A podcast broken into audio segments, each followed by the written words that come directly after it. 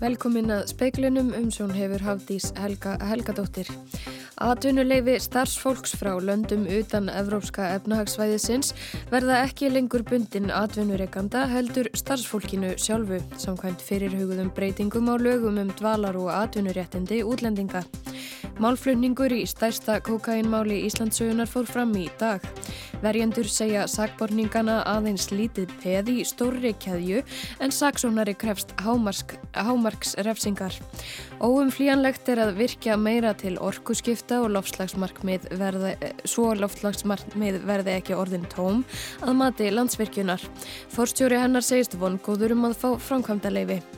Kröfu sagborninga um að hoppukastalammálinu er því vísað frá dómi var hafnað í hérastómi Norðurlands eistra í dag. Innviða ráð þeirra fór á fund bæjarstjóra í Vógum í morgum vegna Suðurnesjalínu 2. Bæjarstjórin segist vona að stjórnvöld taki marka á áliti helstu sérfræðinga og að áformum um línuna verði breytt. Lögum atvinnuréttindi fólks utan EES breytast með frumvarfi sem þrýr ráðherrar ríkistjórnarinnar kynntu í dag. Rýmka á ákvæði um útgáfi og dvalarleifum á grundvelli atvinnuþáttöku og einfalda ferlið. Gera á Ísland að eftirsóknarverðari og samkjæmnishæfari kosti fyrir erlenda starfsmenn og nema auk þess að auka fjölbreytileika íslensk samfélags. Katrín Jakobsdóttir fósættis á þeirra segir að kerfið miðist í framtíðinu ekki aðeins við að sérfræðing einstaklingar fái aðtunuleifi heldur fólk með fjölbreytan bakgrunn. Um leiðverði eftir lit með félagslegum undirbóðum aukið. Nú séu 16% landsmanna af erlendum uppruna en kerfið hafi ekki fyllt þeirri þróun eftir. Því sé gripið til breytingana sem ætlað er að greiða fólki utan ES leiðina inn á íslenska vinnumarkað og snýst um það hvernig við getum bæði tryggt betur réttindi þess fólks með því að tryggja það að atvinnuleifi fylgir starfsmanni en ekki atvinnureikenda en einnig að við getum greitt fyrir með lengingu dvalarleifa, gert erlendum háskólanum um kleift að sækja hér vinnu á lokn námi hér og svo framvegs. Þannig að í raun og veru snýst þetta um það hvernig við getum byggt betri vinnumarka, heilbriðari vinnumarka og fjölbreyttari vinnumarka. Sæði Katrín Jakobsdóttir, fólk þarf eftir sem áður að hafa atvinnusamning til að fá atvinnuleifi en missir það ekki að það hættir störfum hjá upphaflegum atvinnureikanda. Einning á að opna fyrir að listamenn geti komið hinga til starfa líkt og starfsfólki í öðrum greinum. Munlegur málflutningur í stærsta kokainmáli Íslandsögunar fór fram í hérastómi Reykjavíkur í allan dag. Verjendur sagborningana segja þá aðeins lítið peð í stóri keðju. Fjórir eru ákjærðir fyrir smikla á 100 kílóum af kókaini sem hafði verið kyrfilega falin í sjö timburdrömbum. Drömbarni voru í gámi sem var sendur frá Brasilíu til Íslands með viðkomu í Rotterdam. Anna Barbara Andradóttir, saksóknari í málinu, krefst þess að sakbortingarnir fjórir fái hámarks refsingu en verjendur þeirra telja slíkt væri ósangjant þar sem fjórmenningarnir séu aðeins lítil peð í stórri keðju.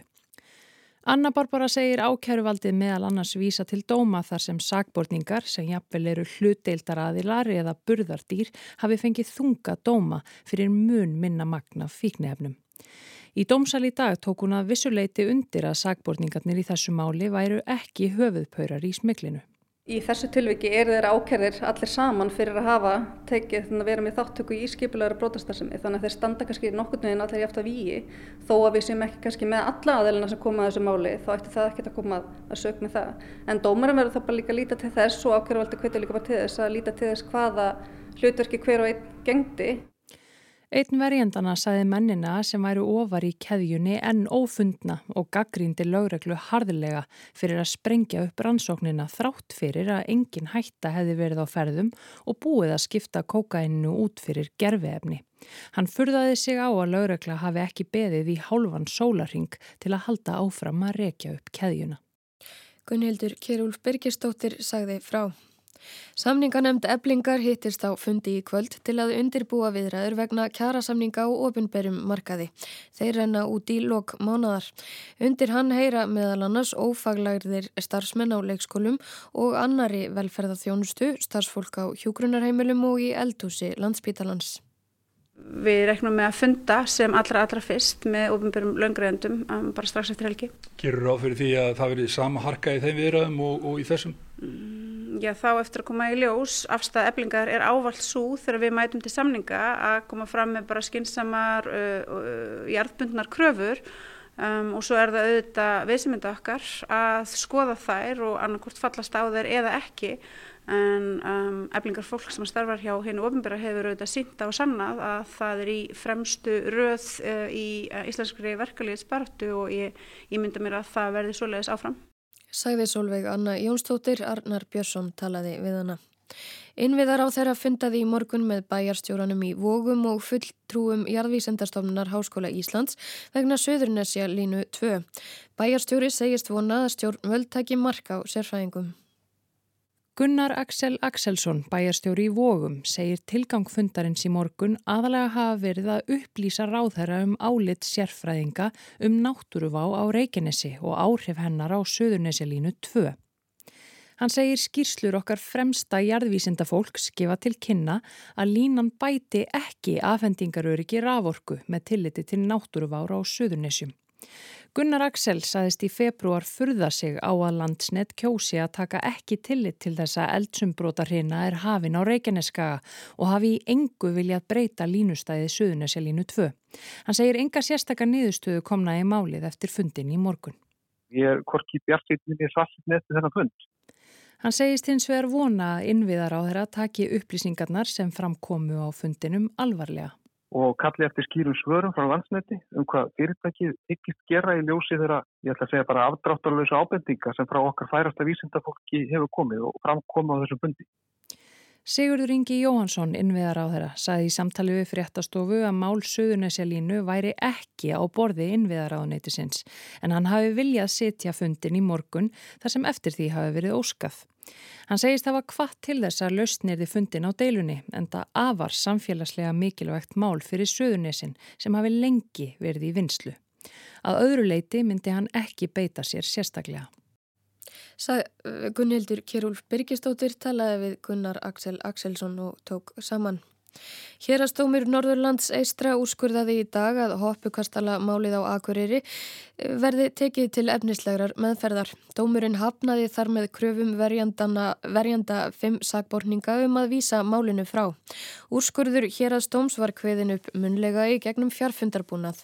Eithór Þorbergsson, saksónari hjá lauruglustjóranum á Norðurlandi eistra, segir að verjandum hafi verið gefin frestur til 5. apríl til að skila greinar gerði í málinu. Ekki líki fyrir hvenar aðalmeðferð verði á dagskrá hérastóms. Ítla gengur að ráða starfsfólk á sjúkrahúsið á Akureyri til að breyðast við manneklu. Starfsemi á skurstofu hefur dreyist saman um 25% frá því í janúar og enn er óvíst hvenar hún kemst í fulla virkni. Undanfarnar mánuði hefur verið auglýst eftir fólki til að hægt sé að koma skurstofu sjúkrahúsins á Akureyri í fulla virkni á nýjum. Sigurður E. Sigurðsson, framkvæmdastjóri lækninga, segir að ráningar hafi gengið ítla. Tæpir tveir mánuður eru síðan dreyið var úr valkvæðum skurðaðgerðum á borðið liðaskipta aðgerðir, auksteina aðgerðir og kvennsjúkdóma aðgerðir. En við hefum náttúrulega sagt að ef að vel gengur að ráða fólk og við fáum fólk þá er mjög fljótlegt að auka framleiðslun aftur ef við getum orðað þannig. Sigurður segir að þreita heilbriðistalsfólks í kjölfar COVID og slæmt umtalum heilbriðistjónustum geti verið ástæður þess að ítla gangi að ráða fólk að sjúkrásinu. Hann segist ekki eiga von á valkveðar aðgerðir leggist alfarið af. Nú sé verið að leita leiða til að laða heilbriðistalsfólk til starfa. Amanda Guðrún Bjarnadóttir tók saman og ræti við Sigurð eða Sigursson.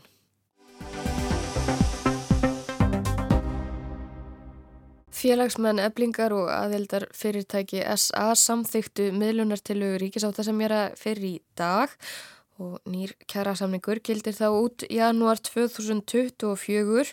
Félagsmenn bæði eblingar og SA samþyktu tilöguna með afgerandi meiri hluta. 85% tæp eblingarfélaga greitu með tilögunni og kjörsókn var 23% og þá skipti þá í rauninni bara ekki máli hvernig atkvæði fjallu þar sem að miðlunar tilur teljast samþygtar e, nema minst 25% greiði atkvæði gegn þeim. Hingaði komin sumarleiði Ísleifsson, dósandi í Sagfræði sem eru sérhæft sig í verkalýs málum. Það svona hefur svolítið verið tala á þann vega að það sé ómögulegt að fella miðlunartillögu í svo stóru félagi. Það þarf náttúrulega alveg gríðarlegan fjölda í svona stórum félögum eins og ebling og aðferð mm -hmm. uh, til að fella en uh, En ég verð nú að segja, mér þetta bara nokkuð góð þáttaka 23% svona miða við það sem ég hefði geta ímynda mér. Það er ekki, ég sé nú ekki að við verðum svo mikil mobilisering í kringum þetta að það svona kallaði endilega á mjög miklu þáttöku ef að nánast allir í þessum hópi hefði verið á móti og 2% viðbót eða 2-3% viðbót þá hefði verið þetta að fella þessa tilöfu. Ef að það er sem sagt kraftur á bakvið það að berjast gegn meðlunatilugu að þá sínist mér að miða við svona þessi úrslita að það sé hægt. Já, þannig að það er kannski ekki algjörlega ómögulegt eins og, og var einhvern veginn talað. Um- Nei, mér sínist ekki. Það var náttúrulega búið að setja þetta upp þannig uh, og það verður ekki almennilega reynd á þetta með þessi allra, allra stærstu fílu en það verður reynd á þetta með með, sko, með ombera starfsmenn kennara ef ég mann rétt sem að alveg skítfeldu meðluna til og það er náttúrulega ekki einn stórt félag en það er samt stórt félag. Mm -hmm. Einmitt og sko þegar við horfum einhvern veginn á þessa segni meðlunartillugu þá finnst manni hún vera Já, kannski hvað tíðenda minnst af allri þessari deilu, hún er svona hér um byl já, hún er mjög keimlíka mist okkurstu þeirri sem að hafi þeir verið lögð fram, Solveig Anna segist þarna muni stiðja þessa. Þó hún hafi verið harðlega á móti þeirri fyrri uh, þegar að upp er staðið sneri steilan frekar um tímasendingar og formsatriði en já, kannski kjærasamninga Já, sko, það hefur greinlega farið þert ofan í fólk en svo gerir ráð fyrir að málið hafi verið það að að ná upp launum, lagst launaða fólksins. Það eru svona einhver lítil skref tekin í því samhengi og ég held nú að veiga mikill þáttur í þessari deilu hafi einhvern veginn líka verið það að ebling síndi fram á að, að félagið væri afl sem að ekkert er þið litið framhjá og líka svona einhvern veginn að, já hvað ég að segja, svona að kanna hvað væri mögulegt, prófa þessar baráttu aðferðir. Ég held satt að segja að, svona, að þó að það hefur kannski ekki verið megin atriði þá hafi þessi deila líka einhverju leiti gengið út á þetta og mér finnst ég lesa það nú líka út úr einhverju af því sem að formaður eflingar hefur lagt fram að, að þetta hafi verið líka einhver styrkleika prófun mm -hmm. en það er auðvitað nokkuð augljóst að uh, árangurinn uh, af þessu var ekki mjög mikill og það má velta fyrir sér allir í þessari deilu og aðdragandunum. Já, hverju þetta allt skilaði, þetta, þetta skilar uh, kjara bótun sem að verðast svona ekki alveg halda í við verðbólguna eins og hún er núna. Mm -hmm. Þetta svona lítur ekkert sérstaklega vel út og, og það sem verra er, er að, að svona þessi sameinlegu mál sem að verkefliðsrengin hefur yfirleitt uh, já, náð saman um og þá er og þá með sagt, alþýðu sambandið sem front sá frontur er í rauninni ekki fyrir hendi núna Nei.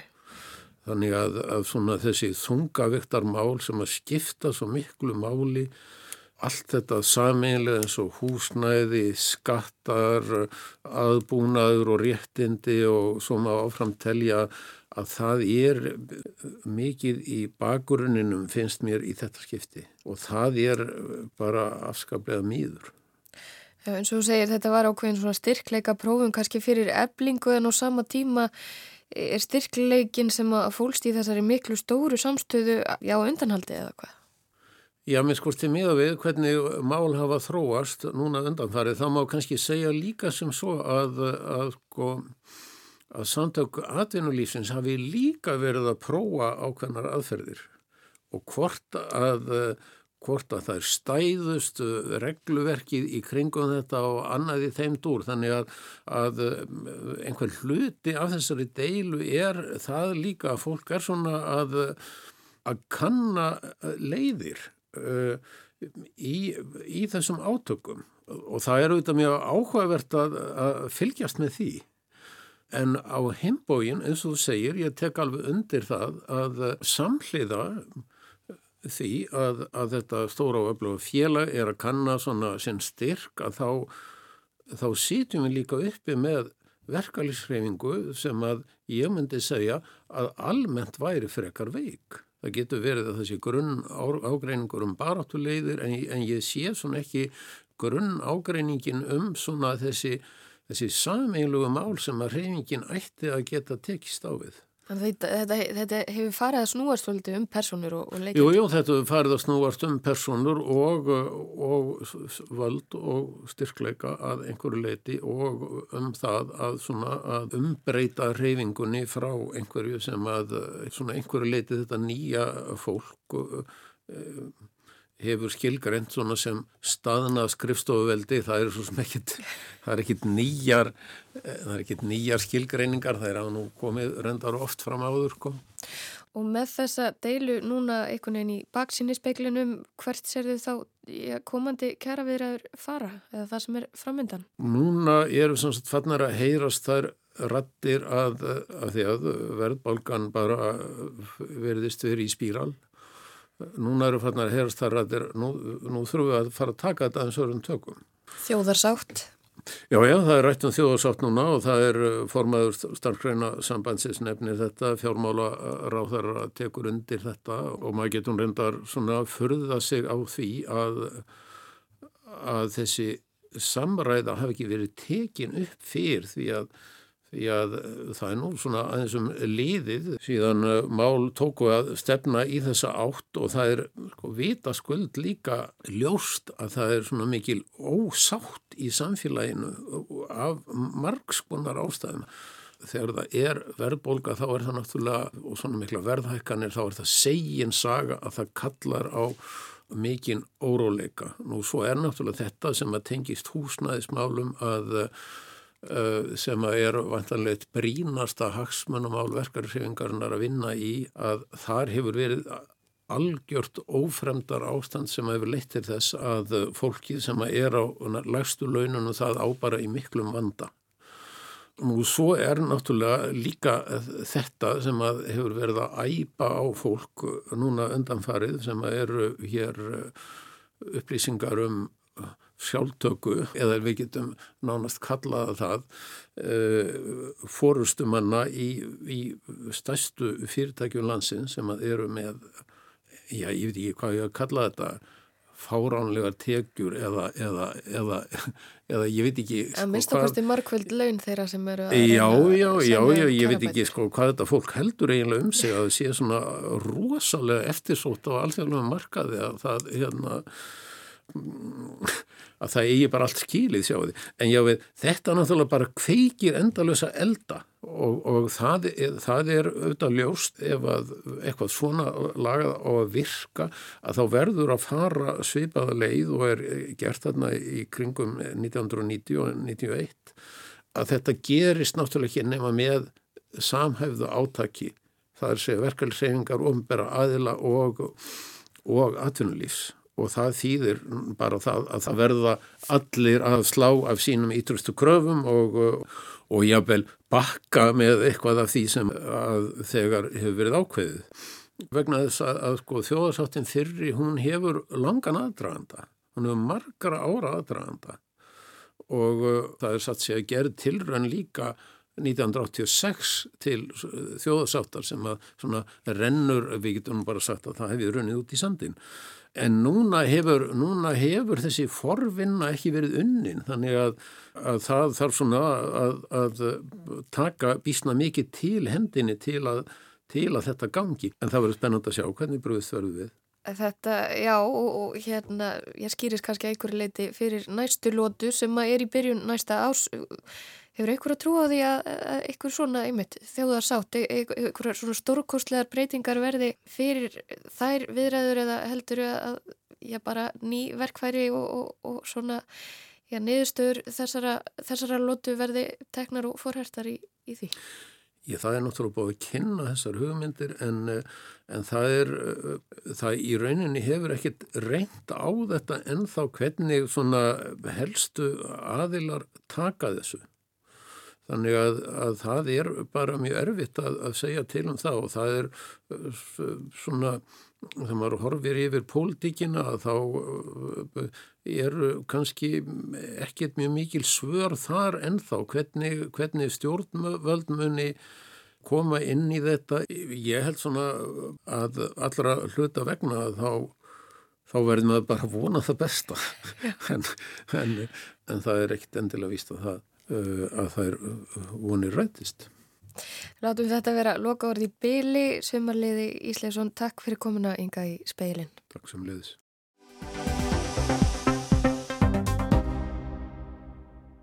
Orkukerfið er full nýtt og komið að þólmörkum. Betur má ef duga skall.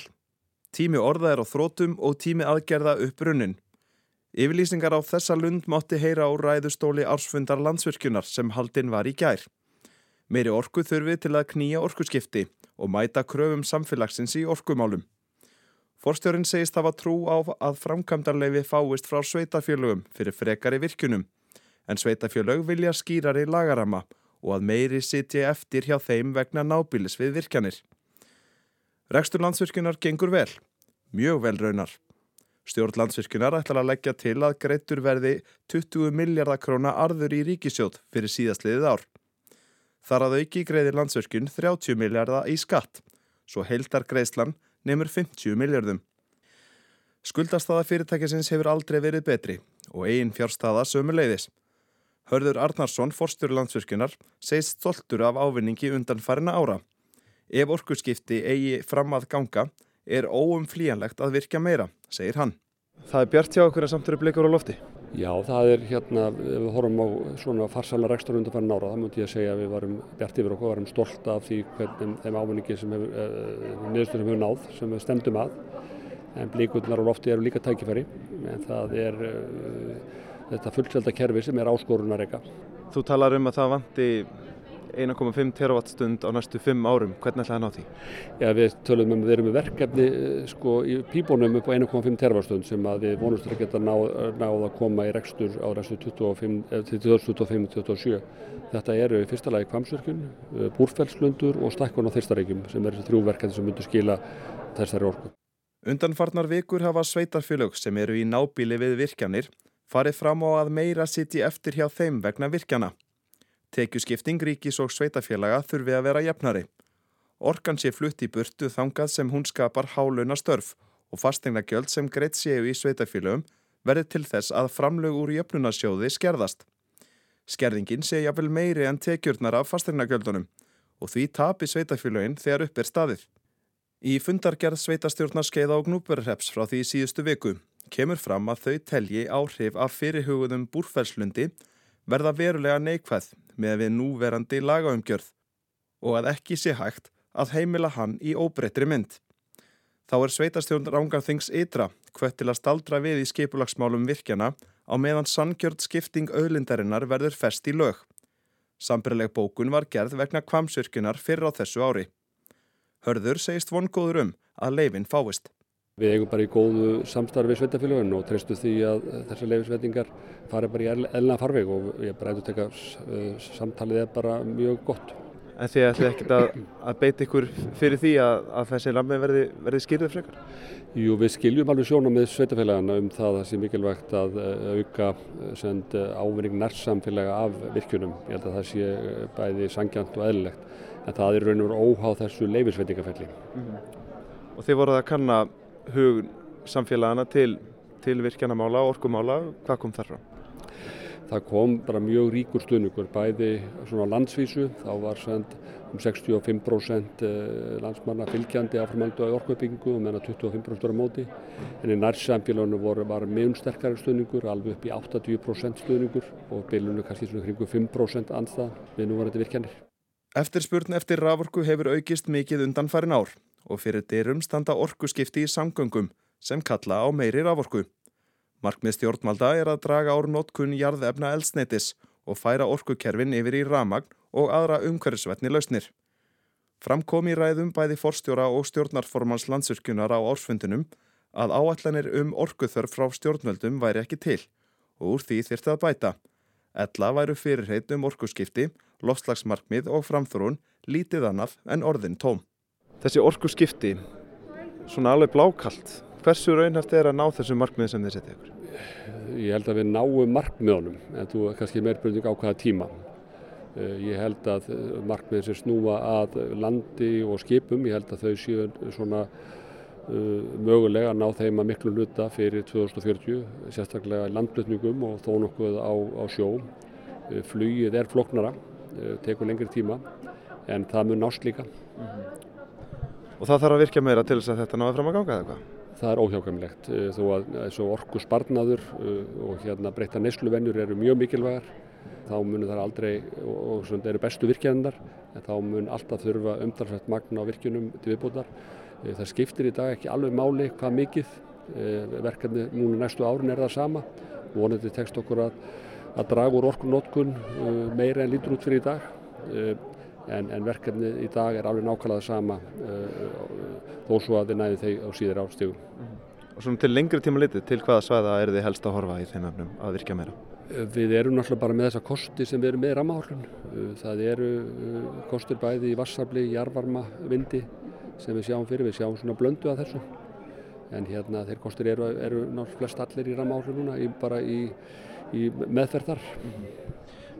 Varandi vindorkuna, það er svona óvisa með það hvernig á að búa um hnútana bæði hér á landi og það normenn hafa talað um það sama og verið hardsóta ríkistjórnirni þar út af, út af þessum vindorkum málum. Hvernig horfur þetta við þér? Hvað þarf til að koma svo að þessi rammi sé svolítið skýr? Ég held að eins og kom fram í máli fjármálaráþara þá held ég að það sé mikilvægt að læra mistökum annara. Uh, þá sé, ef það er ekki gert þá mun myndast mikil anstað eins og við síðan í Nóri. Uh, ég held að eins og kemur fram bætti bara í ríkistóttur sáttmálunum það er að fókusur á það að vera með vindorku á fáum stöðum. Það frekar meira magna á hverju staði, vera nálagt núverandi innviðum bæði það rávorkufluttiskerfi og vegum Eh, þá sé hægt að ná held ég að mínum að þetta er góð, góðri sátt um skynsaflu uppbyggingu. Mm -hmm. Aðeins um reksturinn hjá okkur, þið sjáum fram að það skila um 20 miljóðurinn með jarð til ríkisins núna. Hvernig horfir það svo til þess árs?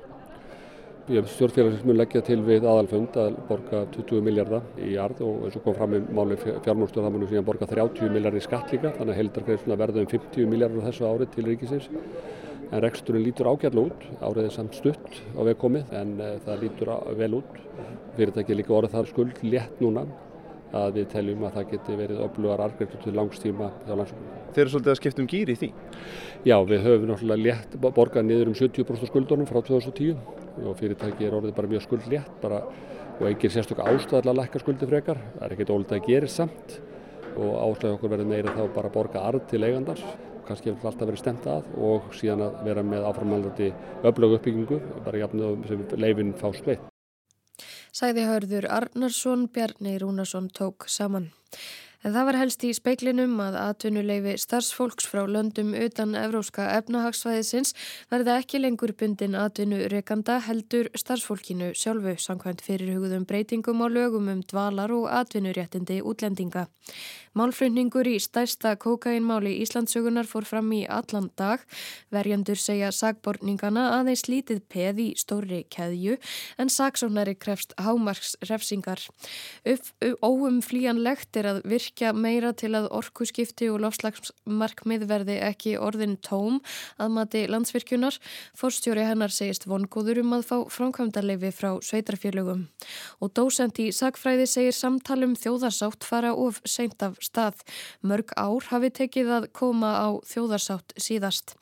Veðurhorfur gengur í norðan 8 til 15 metra á sekundu á morgun með jæljum á norðurhelmingi landsins en skýjað með köplum sunnan til. Áfram verður kallt í veðri. En fleira verður ekki í speiklinum í kvöld. Tæknimaður var Mark Eldredd. Verðið sæl.